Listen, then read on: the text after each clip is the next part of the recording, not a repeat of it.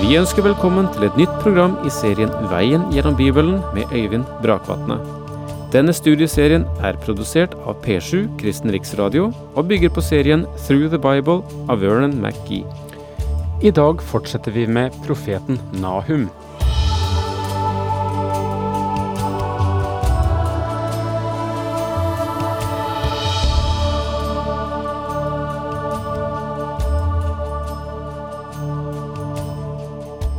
Vi kom bare til første verset sist vi var sammen. Men det er også et eh, viktig vers for å, for å sette retningen for det vi skal ta opp videre. Og dette første verset i Nahum 1 lyder slik Domsord mot Ninneve. Boken om de syner Nahum fra Elkosh fikk. Det vi altså har her, det er at Gud nå setter en strek for Asyrias historiske epoke. 100 år til 150 år tidligere fikk dette folket en sjanse gjennom profeten Jonah, som forkynte Herrens budskap til dem, den dom som hvilte over dem, det fikk dem til å gjøre bot og vende om. Hele byen vendte om til Gud, og sikkert folk i distriktene også som etter hvert hørte om hva som foregikk i Nineve. Men nå, hundre år senere, er det som eh, alle spor av vekkelsen er borte. Og du har eh, den rå og brutale asyriske nasjonen tilbake i sin avgudsdyrkelse og i, sitt, i sin revolt mot den levende Gud. Asyria har, det snakket vi litt om tidligere, hadde tjent Guds hensikt, for Gud hadde også gjennom denne gudløse nasjonen gjort sin gjerning, og dette folket står nå for fall. Ninives ødeleggelse etter de detaljer som blir gitt i denne nedtegnede profeti, kan nesten ta pusten fra oss. Og dette er derfor et budskap, sa jeg før vi silte sist, til trøst for et folk som lever i frykt for en mektig og gudløs nasjon, nemlig at Gud vil tukte og, om nødvendig, rasere en gudløs nasjon. Og alt du behøver å gjøre, er å åpne historieboken din og begynne å lese fra begynnelsen av det, den skrevne historie, og du vil se at enhver stor verdensmakt gikk under, og de gikk under i en tid da alt de var innstilt på, var kvinner, vin og sang. Når et folk når en slik grense, så kan du være sikker på at eh, den er på glid, og at den snart vil gli ut i mørket og det er der verdens tidligere store nasjoner også har endt sine dager. Boken om de syner Nahum fra El Kosh fikk. Dette er alt vi vet om forfatteren av denne boken, og det har jeg tatt litt tid på meg til å forklare i introduksjonen. Det virker som om Nahum var født i Nordriket, Israel, og at det var hans barndomsland, men at han senere flyttet syd over til Juda en gang i sin ungdom. Han hadde stor bekymring for Nordriket, og det virker som han var i live da folket ble ført i fangenskap til Asyria. Budskapet hans er om den dom som kommer over Nineve.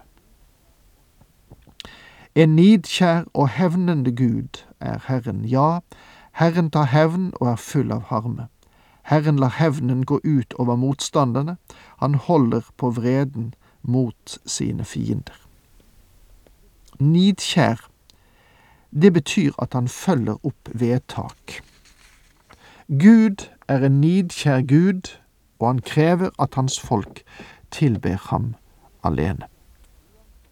Når et folk derfor, uansett hvem de er, venner seg til avgudsdyrkelse, alt det som står Gud imot, og når de hengir seg selv til det, så er Gud nidkjær. Jeg hører mennesker si det er bare en hårsbredds forskjell mellom Guds nidkjærhet og menneskets nidkjærhet. Det er ikke så mye forskjell som du vil påstå. I annen Mosebok kapittel 20 vers 3-6 står det, Du skal ikke ha andre guder enn meg, du skal ikke lage deg noe gudebilde eller noe slags bilde av det som er oppe i himmelen eller nede på jorden eller i vannet under jorden, du skal ikke tilbe dem og ikke dyrke dem, for jeg, Herren din Gud, er en nidkjær Gud. Jeg lar straffen for fedrenes synd komme over barnet i tredje og fjerde ledd når de hater meg, men jeg viser miskunn i tusen ledd mot dem som elsker meg og holder mine bud. Gud elsker deg, det betyr ingenting hvem du er, du kan ikke komme utenfor hans kjærlighetssirkel. Men du kan komme til et punkt der du ikke vil oppleve Guds kjærlighet. Når du slår opp en paraply over synden, for å bruke det bildet, da vil Guds kjærlighets solskinn ikke falle på deg men den er fremdeles der for deg. Du kan slå opp likegyldighetens paraply, du kan slå opp motviljens paraply, og vil ikke gjøre det han vil. Det finnes mange paraplyer du kan slå opp og holde Guds kjærlighet borte fra å skinne på deg, men du kan ikke avholde ham fra å elske deg. Siden Gud elsker deg, så har han nidkjærhet overfor deg. Det vil si at han ønsker deg. Faktisk ønsker ikke Gud det du eier. Vi predikanter kan av og til be deg om det du har. Faktisk skulle jeg ønske at jeg ikke behøvde å minne mennesker om noen givertjeneste, for det liker jeg ikke. Om vi bare fikk Guds folk til å være med og dekke de utgiftene som denne tjenesten krever, skulle du aldri høre meg nevne det. Men Gud ønsker ikke det du har, han ønsker deg og han er nidkjær når du gir deg selv din tid og dine midler til andre ting. Når du gir deg selv hen til synd, så er Gud nidkjær. Gud sier ganske klart, Jeg er en nidkjær Gud. Jeg ønsker deg. Jeg ønsker ikke å dele deg med verdens synd og med djevelens skarer og med avgudsdyrkene. Jeg vil ikke dele deg. Jeg vil at du skal tilhøre meg. Det er ingenting galt med at Gud sier at han er nidkjær, og Nahum understreker at Gud er nidkjær. Og det er jeg glad for at han er. Enhver god hustru vil si, jeg vil ikke dele min ektemann med noen annen, han er min, han tilhører meg, og slik også omvendt forholdet ektemann-ektehustru. Dette er noe som er svært viktig i dag, men som det ser ut til at verden er i ferd med å glemme. Det er ikke å undre seg over at vi i Oslo har flere skilsmisser enn vi har inngåtte ekteskap. Og det skjer selvfølgelig fordi at mange mennesker leker.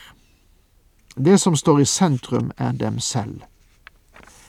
Det er forbrukersamfunnet overført på den viktigste enheten vi har i et samfunn, nemlig familien.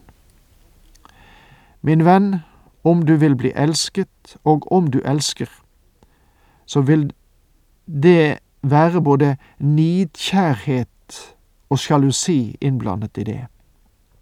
Det følger den virkelige kjærligheten.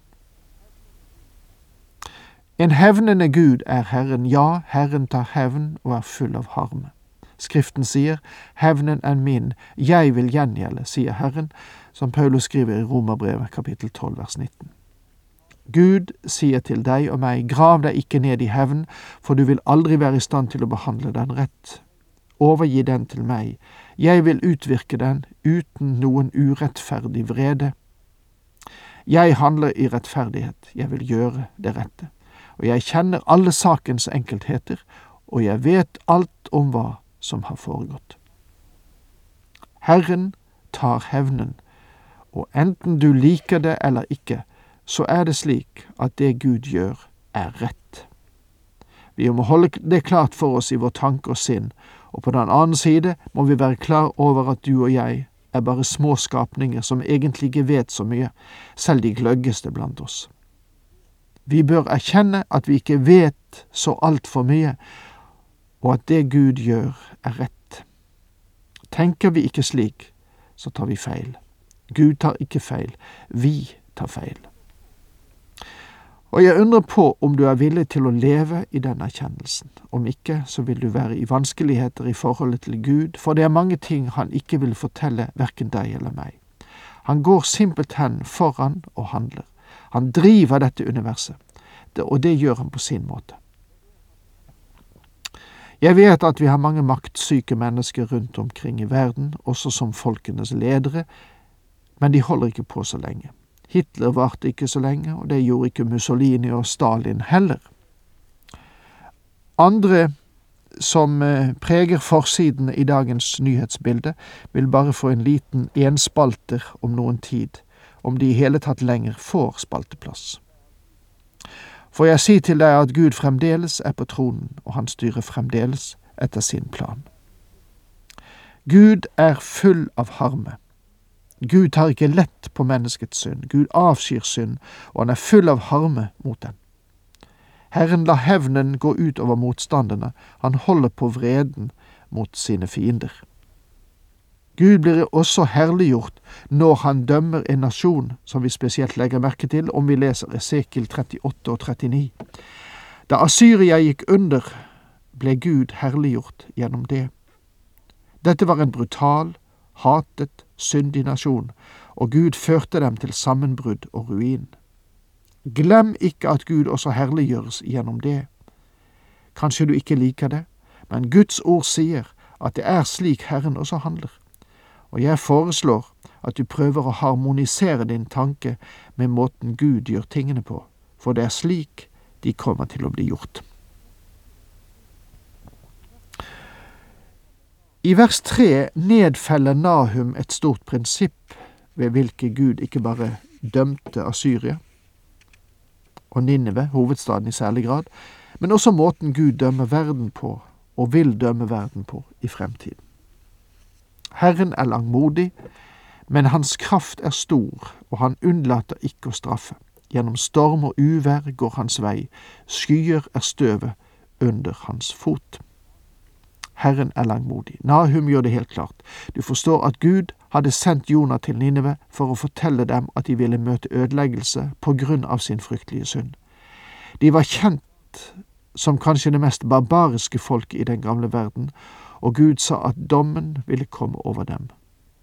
Men hele Ninive gjorde bot og vendte seg til Gud ved den tid.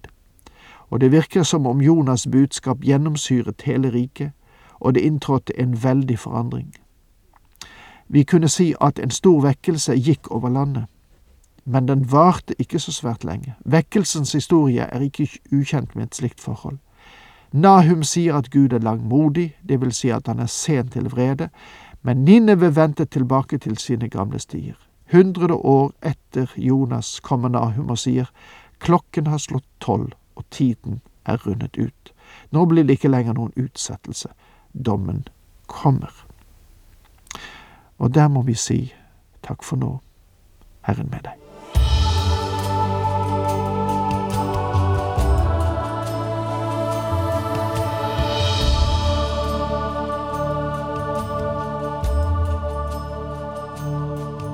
Du hørte Øyvind Brakvatne i studieserien Veien gjennom Bibelen. Serien bygger på et manus av Vern McGee.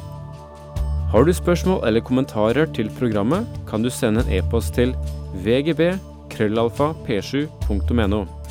Takk for i dag, og på gjenhør.